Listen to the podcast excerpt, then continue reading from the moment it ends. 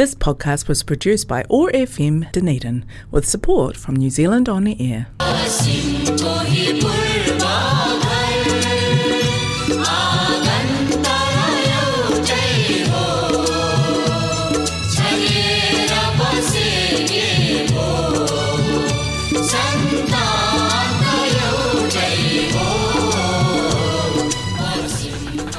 Namaste.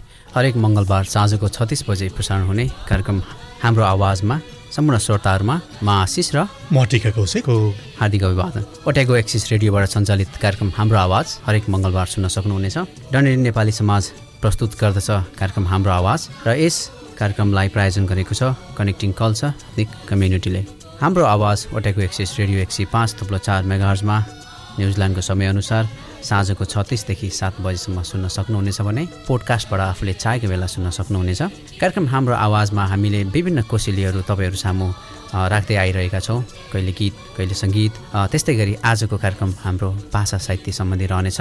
हामीसँग केही रचनाहरू छन्। हामीसँग कथा कविता गजल त्यस्तै गरेर स्वर श्राद्ध पनि आजदेखि सुरु हुने भएकोले स्वर श्राद्ध सम्बन्धी केही कुराहरू हामी तपाईँहरूलाई राख्न चाहन्छौँ। भने कार्यक्रमको सुरुमा म टिकाजीलाई सोध्न चाहेँ। हामीले कार्यक्रम आज केदेखि सुरु गर्दैछौँ त? यो एउटा गजलबाट सुरु गरौँ कि भन्ने मलाई लागेको होइन। वेद प्रसाद ढुङ्गेल आफूलाई विपिन अगस्ती भनेर पनि उहाँले चिनाउनुहुन्छ। उहाँको फेसबुक पेजमा अत्यन्तै धेरै गजल धारा प्रवाह उहाँ लेख्नुहुन्छ होइन। हजुर। त्यो हेर्दै जाँदाखेरि म फलो गरिरहन्छु उहाँको गजलहरूलाई। फलो गर्ने जाने क्रममा उहाँको गजलको सुरुमा उहाँले के लेख्नु भएको रहेछ भने जुन लाइनहरूले मलाई धेरै मन छोएको भनौँ न त्यो छ म त्यो सर वाचन गर्छु अनि त्यस पछाडि उहाँकै गजल एउटा म वाचन गर्छु। हस्। श्रोताहरू हामी कार्यक्रमको पहिलो कोसेली तपाईँहरूलाई गजल राख्न गइरहेका छौँ। सारङ्गी सम्झी रेटे कसैले मलाई निर्धो भेटे कसैले। सारङ्गी सम्झी रेटे कसैले मलाई निर्धो भेटे कसैले। बनेछु म भित्ता सडकको लेखे कसैले मेटे कसैले। बनेछु म भित्ता सडकको लेखे कसैले मेटे कसैले लेखे कसैले मेटे कसैले। वा वा वा धेरै नै मार्मिक छ। एकदमै एकदमै राम्रो मन छुने पङ्क्ति लाग्यो त्यही भएर मैले यहाँलाई भनेको चाहिँ साभार गरेको उहाँको फेसबुक पेजबाट। यस पछाडि म उहाँको अर्को गजल म वाचन गर्दैछु। देखाएर आफ्नो अभिमान आज गुमाएछौ तिम्रो पहिचान आज। देखाएर आफ्नो अभिमान आज गुमाएछौ तिम्रो पहिचान आज। पाएछन् सबैले परिचय तिम्रो भयो राम्रोसँग चिनजान आज। पाएछन् सबैले परिचय तिम्रो भयो राम्रोसँग चिनजान आज। गरी भण्डाफोर करतुत तिम्रा भए खुल्ला सारा बही खान आज। भए खुल्ला सारा बही खान आज। तात्दैछ सडक तिम्रो विरुद्धमा खै त हिजोको गुणगान आज। तात्दैछ सडक तिम्रो विरुद्धमा खै त हिजोको गुणगान आज। सच्चाइ बुझेका छन्। अब सबैले को होला र अब बलिदान आज? सच्चाइ बुझेका छन्। अब सबैले को होला र अब बलिदान आज? साह्रै नै मिठो गजल रहेको थियो। यो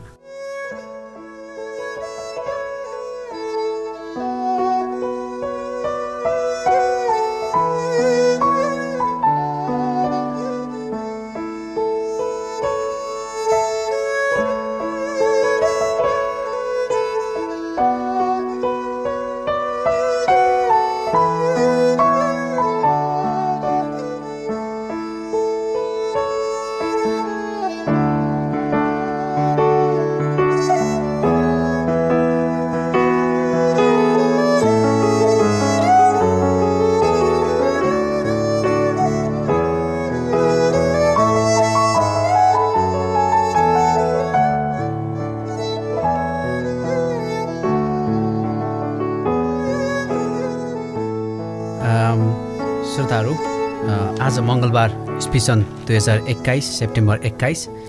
असोजको महिना भइसकेपछि अब नेपाली भाषी र नेपालीहरूमा चाडपर्वको सुरु भइसकेको छ। चाडपर्व तिहार दसैँ जस्ता ठुला पर्वहरू मात्र नभएर अरू पर्वहरू पनि अब बिस्तारै सुरु हुँदैछन्। तिजदेखि सुरु हुने तिज लागिसकेपछि हामीहरू चाडपर्वहरू सुरु हुँदैछ भन्दैछौँ। सोह्र श्राद्ध दसैँको सुरुवातको सोह्र दिनको पित्रपछिको ठुलो भूमिका छ। र आजबाट सोह्र श्राद्ध सुरु पनि भएको छ। यस वर्ष भने मलमासको कारण सोह्र श्राद्ध यस महिनामा परेको छ भने दसैँ कार्तिक महिनामा परेको छ। वर्षाले भिजाउँदा भिजाउँदा अनि बगाउँदा र पखाल्दा पखाल्दा नेपाली भूमि सबै जल नै जल भयो यसपल्ट। अब पानीले पुग्यो यस वर्षलाई। यो वर्षमा हराएका आफन्त प्रियजन तथा जीवजन्तु सबैमा यो सोह्र श्राद्धको पुण्यतिथिको हार्दिक नमन हामी गर्न चाहन्छौँ श्रोताहरू। अब कार्यक्रममा हामीसँग कथा रहेको छ। ठिकै छ म यो कथा पस्कन्छु मलाई कथा भन्नाले चाहिँ कथा पनि नभन्नु एउटा कथा को ढाँचाको छ होइन? र यसमा जान्नु र नजान्नुको फरक केलाउन खोज्नु भएको छ लेखक बिपी काश्यपले। उहाँ अमेरिकामा हुनुहुन्छ र उहाँले पनि राम्रा राम्रा कथाहरू ज्ञानवर्धक कुराहरू आफ्नो फेसबुकमा पोस्ट गरिराख्नुहुन्छ। यसो सरस्वती पढ्दै जाँदाखेरि मलाई यो एकदम राम्रो लाग्यो। त्यही हिसाबले अरूलाई पनि काम लाग्छ भन्ने हिसाबले मैले यसलाई यहाँनिर प्रस्तुत गर्न खोजेको छु। यो मानिलियो कुनै बेला आठ दसवटा पुस्तकको ज्ञान हुँदाखेरि निकै ठुलो जान्ने मान्छे कलिन्थ्यो बिस्तारै गुगलको आविष्कार भइसके पछाडि यो जान्ने र नजान्ने बिचको भेद फरक हुन थालेको छ। मानिलिउँ आज एउटा प्राइमरी विद्यालयमा पढ्ने विद्यार्थीले गुगलको प्रयोग गरेर शिक्षकले भन्दा कति बढी जान्दछ भन्ने अनुमान पनि लगाउन सकिन्छ। जानेको हुनसक्छ र नजानेको पनि हुनसक्छ। त्यसको अर्थ यो हो कि अब को कति जान्ने त्यसलाई मापन गर्न त्यति सजिलो छैन। अब यही जान्ने र नजान्ने बिचको फरक के हो एउटा? र मान्छेले व्यक्तिले आफूलाई कसरी जान्ने हो भन् ठान्ने अथवा कसरी नजान्ने हो भन् ठान्ने? यसै विषयमा एउटा अलिकति फरक विचारधाराको एउटा कथा छ। म वाचन गर्छु है। बुढा साधुको आश्रममा एक बेलुकी एउटा घुमन्ते सन्यासी पुग्यो। सन्यासी एकजना गुरुको खोजीमा थियो। आश्रमका यिनै बुढा साधुलाई गुरु मान्नु पर्यो भन्ने सोचेर सन्यासीले त्यहाँ बस्ने अटोट लियो। पन्ध्र दिनसम्म सन्यासी त्यहाँ बस्यो। तर त्यति दिनसम्म आश्रममा बस्दा बुढा साधुले केही जान्दैन भन्ने सन्यासीलाई लागिसकेको थियो। केही थोरै शब्दहरू दिनदिनै दोहोऱ्याइ तेह्राई भन्ने नयाँ कुरा केही गर्दै नगर्ने रात दिन एउटै कुरा मात्र भनिरहनेलाई सुनेर के सिक्न सकिएला र यसको के प्रयोजन होला र सन्यासीमा हैरानी बढिसकेको थियो। अब अन्तै कतै गएर नयाँ गुरु खोज्नु पर्यो भनेर सन्यासीले सोचे र आश्रमबाट बिदा लिएर हिँड्ने अठोट लिइसकेका थिए। भोलिपल्ट सन्यासीले आश्रम छोड्ने समय थियो तर अघिल्लो रात अर्कै एउटा सन्यासी सोही आश्रममा बास बस्न आइपुग्यो। नयाँ सन्यासीले आश्रममा भेला भएका साधुहरूका अघि बसेर वेदान्तको सूक्ष्म चर्चा गरे। आश्रमवासीहरू नयाँ सन्यासीसित खुब प्रभावित भए। आश्रम छोड्न लागेको सन्यासीले पनि सोच्यो गुरु भनेको त यस्तो पो हुनुपर्छ। कति धेरै शास्त्रीय अर्थ विवेचना गर्न सकेको होला। महाविद्वान नै रहेछ यो नयाँ सन्यासी त। यो आश्रमको बुढो साधुलाई भित्रभित्रै इस्या लागिरहेको होला। आफू केही नजान्ने।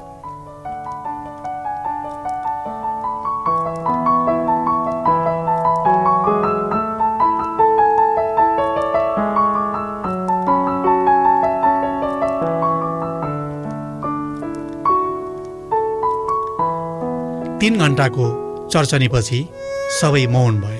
आफ्ना कुरा सिद्ध्याएपछि नयाँ सन्यासीले नजर घुमाएर सबैलाई हेर्दै भन्यो तपाईँहरूलाई मेरो कुरा कस्तो लाग्यो कुन्नी बुढो साधुतिर हेर्दै उनले पनि सन्यासीलाई यही प्रश्न गर्यो। बुढा साधुले भने ए आगन्तुक अतिथि म तिन घन्टादेखि सास रोकेर तिमी केही बोल्छौ कि भनी सुन्ने चेष्टा गरिरहेको छु तर तिमी केही बोल्दैन। एक शब्द तिमी केही बोलेनौ। मैले कस्तो लाग्यो भनौँ? सन्यासी तिन छक्क परेर भन्यो तपाईँ के भन्दै हुनुहुन्छ? म नबोलेर को बोल्दै थियो त अघिसम्म? आफ्नै सामु बोलिरहेको मान्छे नचिन्ने तपाईँ पागल त होइन? बुढा साधुले भने मैले खुब बुझ्ने प्रयत्न गरेँ। तिमी भित्रबाट गीता बोलेको सुने उपनिषद बोलेको सुने तर तिमी स्वयं बोलेको मैले सुनिनँ। घन्टौँसम्म पनि मैले तिमी आफै बोलेको एकै शब्द सुन्न पाइनँ। शब्द शास्त्र र सिद्धान्तहरू बोले तर तिमी बोलेनौ। यी तिन घन्टामा तिमी जति बोल्यौ तीमध्ये तिमी आफ्नो भन्ने के थियो त्यो बताऊ तब म बुझौँला कि तिमीले पनि बोल्यौ। तिमी फेरि दोहोऱ्याएर भन तिम्रा निजी शब्द वाक्यहरू के के थिए? यदि तिम्रो केही थिएन भने मैले तिमी बोल्यौ भनेर कसरी मानौ?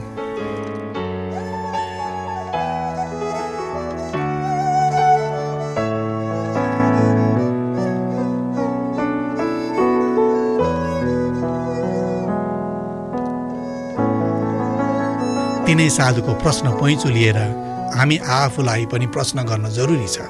तपाईँको के छ? आत्मा परमात्मालाई तपाईँ जान्नुहुन्छ? चिन्नुहुन्छ? बिहान भित्तातिर फर्केर तपाईँ दोहोऱ्याइ तेह्राई भटभटाउनुहुन्छ? तपाईँ देख्नुहुन्छ आत्मा कहाँ छ? शरीरभित्र आत्मा छ जो सदा सर्वदा अमर छ। यो कुरा तपाईँ स्वयंद्वारा अनुभूत ज्ञान हो। के तपाईँलाई साँच्चै थाहा छ मृत्युपछि के हुन्छ? तपाईँ जन्मिनु जन्मिनुभन्दा पहिले कहाँ हुनुहुन्थ्यो? तपाईँलाई थाहा छ? तपाईँ के जान्नुहुन्छ?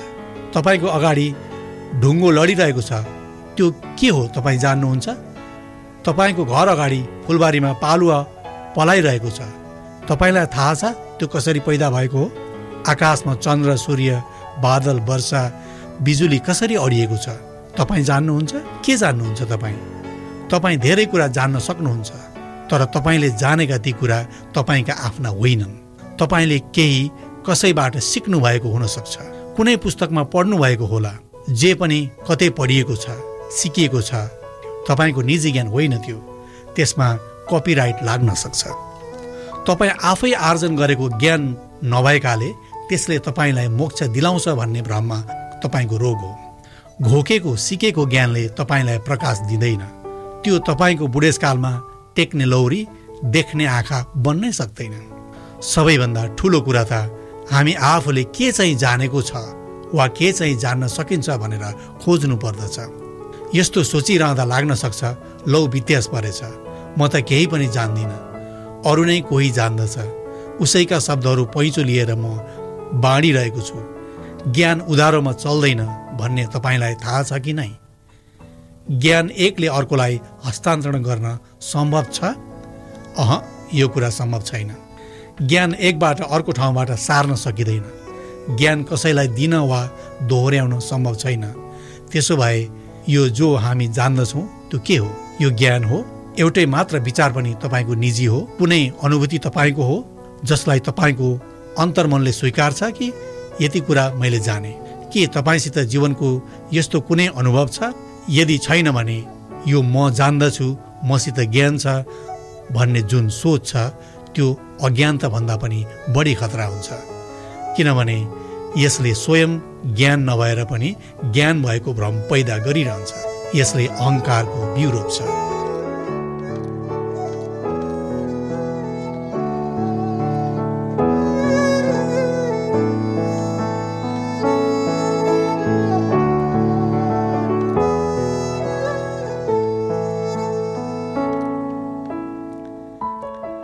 हामीलाई सबै थोक सजिलो चाहिएको छ। ज्ञान पनि सहजै प्राप्त गर्नु परेको छ। हामी अल्छीहरू खोज्ने चुनौतीको सामना गर्ने परिश्रमद्वारा अनुभूत गर्ने जस्ता सत् प्रयासबाट जोगिन चाहन्छौँ। ज्ञान प्राप्त गर्नलाई शक्ति र साहस चाहिन्छ। अपरिचित अज्ञात विषयमा पस्नु पहिले कहिले नहिँडेको अन्जान यात्रामा निस्कन निकै हिम्मत चाहिन्छ। यस्ता तमाम झन्झटहरू कसले बेहोरिरहोस्? हामी सजिलै ताकमा राखेको किताब पल्टाएर सुगाको कृष्णहरि रट्न थाल्छौँ। दुई चार श्लोक घोकेर आउँदो गरेपछि खुब विद्वान भइहाल्छौँ। ज्ञानी हुनुको मजा लिन आतुर भइहाल्छौँ। एक दुईजना वरिपरि भेला भएर गुरु भन्न थालिहाल्छन्। उहाँलाई त वेद उपनिषद पुरै आउँदो छ। फलानु पुस्तकको यति आवृत्ति कण्ठस्थै छ। महाज्ञानी हुनुहुन्छ उहाँ भनिदिन्छन्। दुई चारजना शिष्यहरू अघि पछि लाउन सक्ने गुरु भइसकेपछि त झन् अरू के चाहियो र? गाउँको ख्यातिको झ्याम्टा आफूले पिट्नै पर्दैन। आफै बज्न थालिहाल्छ। यसरी अबुझपनको अज्ञानताको एउटा अविरल यात्रा सुरु हुन्छ। भनौँ अथवा सय वर्षदेखि यस्तै हुँदै आएको छ। उहिले पनि ज्ञान साँच्चै ज्ञान प्राप्त गर्न महर्षिहरू अति न्यून सङ्ख्यामा थिए। अहिले पनि एकाध ज्ञानी महानुभावहरू हातका औँलामा गर्न सकिनेछन्। तर गर्नै नसकिने जमात ज्ञानी भएको विज्ञापनमा झ्याम्टा बजाएर हिँडेको छ। यस्तो हुनुको खास कारण ज्ञान प्राप्तिको बाटो पुरै असम्भव भएर पटक्कै होइन। तर हामीमा एउटा रोग सङ्क्रमित छ त्यो के भने हामी बेसाहा खोजेको वा सित्तैमा पाएको ज्ञानले तृप्त भइहाल्छौँ। तिर्खा लागेको मानिसलाई नदीको चित्र बनाएर देखाउँदा तिर्खा मेटिन्छ? राम्रो रङ भरेर बनाएको सूर्यको नक्साले प्रकाश दिन्छ बेसाहा ज्ञानले वास्तविक ज्ञानको ढोका बन्द गरिदिन्छ अनि त्यस्तो ज्ञान त्याग्न पनि साह्रै लोभ लाग्छ। किनभने त्यो भ्रमले पनि आफूभित्र रहेको अहङ्कारलाई तृप्ति दिइरहेको हुन्छ। हैट म त कोही हुँ। म आत्मा जान्दछु। म ईश्वरलाई बुझ्दछु। यस्तो ज्ञानको भकारी कसरी त्यागौँ? त्यसलाई छोड्न धेरै डर लाग्छ किनभने त्यो पनि त्यागेपछि त आफू भइन्छ।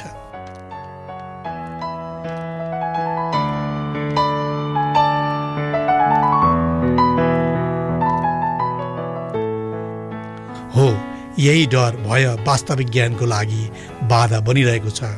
ज्ञानको नदीमा पौडिनलाई किनारा छोड्नै पर्छ। जबसम्म तपाईँ किनारामा रहेर नदी यस्तो छ उस्तो छ भन्दै बखान गरिरहनुहुन्छ तबसम्म त्यो कुरा महापण्डितले कसाईगिरी गरे जस्तो हो। श्रोताहरू यो कथा भनौँ अथवा यो ज्ञानमूलक कुराहरू जुन उहाँले उहाँको रचनामा पाइयो यो सुन्दाखेरि बडो आनन्द पनि आयो र म यो सुन्दै गर्दाखेरि म आफै हराएँ। कश्यपजीले भने चाहिँ हामी त केही जान्ने रहेनछौँ त जति पनि कुरा हामीले देख्यौँ भोग्यौँ र किताबको माध्यमबाट होस् अथवा अहिले भएको टेक्नोलोजीको माध्यमबाट हामीले जानेको छौँ। के यही जानेका रहेछौँ त हामीले भन्ने प्रश्न ममा पनि भयो र म पनि एकदम भुमरीमा परेको जस्तो मलाई अनुभव भयो। तपाईँहरू पनि यो सुनिसकेपछि के सोच्नु भयो त? तपाईँहरूले जानेको कुरा के रहेछ र तपाईँले जान्नुपर्ने कुरा के रहेछ भन्ने प्रश्न म तपाईँहरूलाई छोड्दै अब कार्यक्रममा हामीसँग यस्तै भुमरीको जीवन भन्ने विषयमा अर्को एउटा रचना लिएर आउनुभएको छ।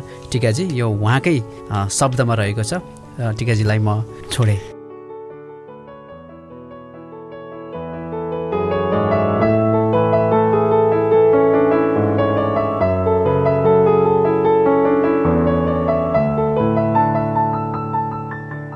यो मेरो एउटा छोटो कविता छ र यो कविताको प्रसङ्ग रहेको छ अगस्त महिनाको अन्त्यतिर तालिबानले काबुलमा नियन्त्रण गरिसके पछाडि त्यहाँनिर एयरपोर्टमा देखिएको जुन हृदय विदारक दृश्यहरू थिए त्यो दृश्यमा मान्छेहरू त्यहाँबाट उम्किनका लागि अफगानिस्तानबाट उम्किनका लागि कोही वायुयानको पखेटामा झुन्डिने कोही भनेको चक्कामा झुन्डिरहेको दृश्य देखे पछाडि एउटा सोच मनमा आयो।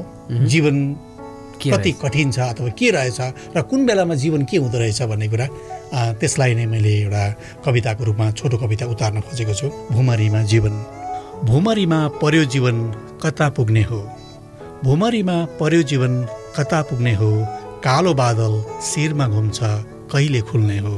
कालो बादल शिरमा घुम्छ कहिले खुल्ने हो? भुमरीमा पर्यो जीवन कता पुग्ने हो? भत्कियो कि धरती मेरो? भाँसिरहेछु। भत्कियो कि धरती मेरो भाँसिरहेछु। आस्था सबै टुक्री गए निराशमा छु। आस्था सबै टुक्री गए निराशमा छु। भुमरीमा पर्यो जीवन कता पुग्ने हो?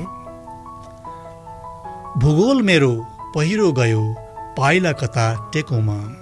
भूगोल मेरो पहिरो गयो पाइला कता टेकुमा। बाँच्ने आधार सबै ढल्यो दृश्य रित्तो देख्छु म। बाँच्ने आधार सबै ढल्यो। दृश्य रित्तो देख्छु म। भुमरीमा पर्यो जीवन। कता पुग्ने हो? ज्वालामुखी भित्र म छु। लाभा रूपी जीवन। ज्वालामुखी भित्र म छु। लाभा रूपी जीवन। खरानी भई खाकमा छु। लज्जास्पद भो जीवन। खरानी भई खाकमा छु। लज्जास्पद भो जीवन। भुमरीमा पर्यो जीवन। कता पुग्ने हो भुमरीमा पर्यो जीवन कता पुग्ने हो। वाह वाह वाह। ठिकै छ यो तपाईँको यो अत्यन्त मिठो कविता सुनेपछि म यो मेरो मनमा केही प्रश्नहरू उब्जिए। तपाईँहरू जुन तपाईँसँग म राख्न चाहन्छु सायद समयभन्दा अगाडि कोही पनि छैनौँ हामी। र आजका दिनमा जे भइरहेको छ आजको समयमा जे भइरहेको छ यो भोलिको दिनमा हुन पनि सक्छ नहुन पनि सक्छ र त्योभन्दा राम्रो पनि हुनसक्छ र नराम्रो पनि हुनसक्छ समय आइसकेपछि आज राम्रो भएको चिज भोलि नराम्रो हुनसक्छ र भोलि नराम्रो हुँदैछ भनेर हामीले समयलाई दोष दियौँ भने भोलि त्यो राम्रो पनि हुन सक्नेछ त्यस्तै गरेर केही चिजको पनि मलाई लाग्दैन हामी भनौँ न कुनै पनि चिज अमर र अटल चाहिँ पक्कै पनि छैन होला। एकदमै एकदमै यो चाहिँ समयको खेल हो। हरेक कुराको समयको सीमा हुन्छ त्यो सीमा सकिए पछाडि परिस्थिति बदलिन्छ होइन? आज राम्रो भइरहेको कुरा भोलि बताबुङ्ग पनि भएको हुनसक्छ। आज लथालिङ्ग भएको कुरा भोलि सप्रिराखेको पनि हुनसक्छ। र समयअनुसार भनेको हामी चल्नुपर्ने रहेछ खास गरी होइन? अब आफूलाई सबैलाई हरेकको भनेको आफ्नो आफ्नो कठिन मोडहरू जीवनमा आइरहेको हुन्छ। अनि त्यसलाई फलानाले यसो गर्यो फलानाले गर्दा मैले दुःख पाएँ। मलाई किन यसो गरेको होला? म जन्मिँदै भनेको चाहिँ मलाई किन यस्तो भयो? आदि कुरा हामी दोष दिइरहन्छौँ होइन? अब दोष कसलाई दिने? दोष दिएर नपार लाग्छ। तर यसबाट सिक्ने कुरा चाहिँ एउटा के रहेछ भनेदेखि चाहिँ परिस्थिति जस्तो सुकै आओस् त्यसको सामना गर्नु नै गर्न सक्नुपर्ने सबैभन्दा ठुलो। ठुलो काम रहेछ होइन? कसलाई दोष दिइराखौँ फलानाले गर्दा यस्तो भयो र मैले मेरो कुनै गल्ती थिएन भनिरहँदा पनि कुनै पनि पार लाग्ने कुरा हुँदैन। आफ्नो क्षमता बढाएर परिस्थितिको सामना गर्नु। नै सबैभन्दा बुद्धिमानी कुरो रहेछ जस्तो लाग्छ मलाई। त्यसमा अर्को एउटा कुरा पनि मैले जोड्न चाहेँ यही बुमरीको जीवन र समयसँगै मिल्दोजुल्दो होला। सायद धैर्यता पनि हाम्रो जीवनमा धेरै नै महत्त्वपूर्ण कुरा हो। केही कुरा हामीले आजको भोलि सबै कुरा एकैचोटि पाउँछौँ भनेर आत्तिएर लाग्नु पर्खिन नसक्नु हतारमा निर्णय लिनु यी कुराले गर्दाखेरि पनि हामीलाई एकदमै अप्ठ्यारोमा पार्न सक्छ। यी पनि कारणहरू हुनसक्छ। धैर्यता समय जीवन यी विषयहरू धेरै नै गहकिला छन्। यसमा हामी कुनै कार्यक्रममा फेरि यस विषयमा कुरा पक्कै गर्ने नै छौँ श्रोताहरू। मैले अगाडि तपाईँहरूलाई भनेको थिएँ आजदेखि सोह्र श्राद्ध सुरु भएको छ।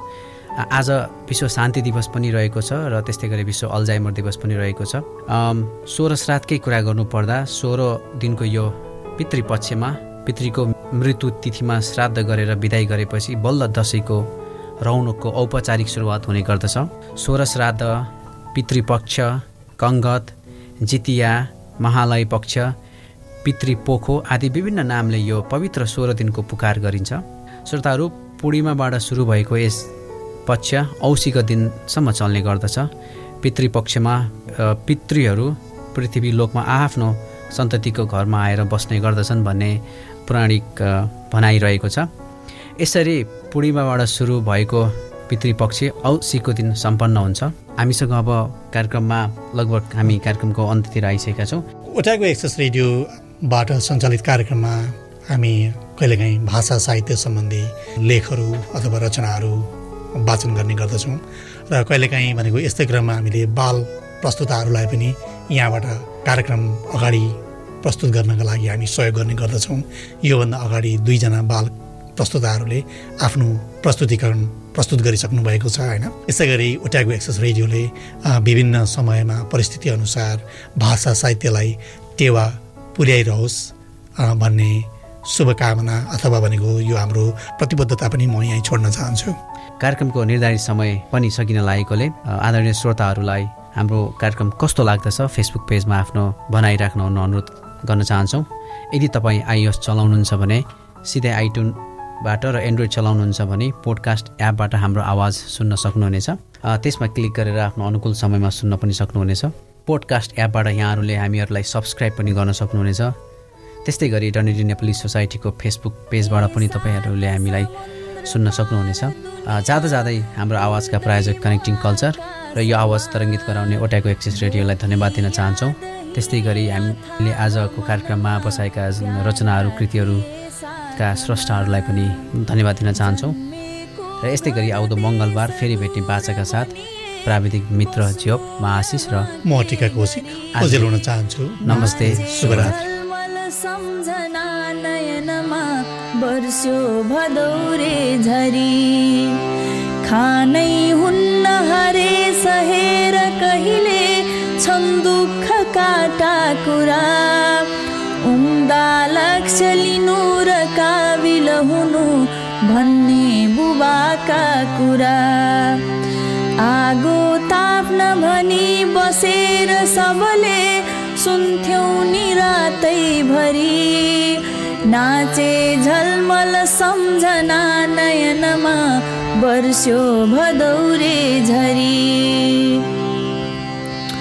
आए तिज दसैँ तिहार घरमा खुल्दै गनी साँच्चै रमझम त्यो म भुल्दिन कसै गाना बजाना पनि। के हुन्थ्यो अब खैर जमघट यहाँ परदेशमा खिरी नाचे झलमल सम्झना नयनमा वर्ष्यो भदौरे झरी।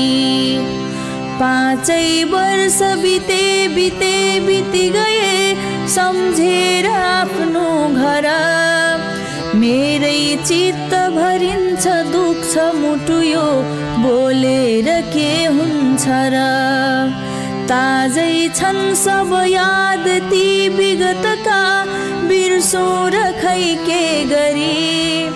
नाचे झलमल सम्झना नयनमा वर्ष्यो भदौरे झरी पैसा मात्र भएर यो हृदयमा आनन्द मिल्दैन नि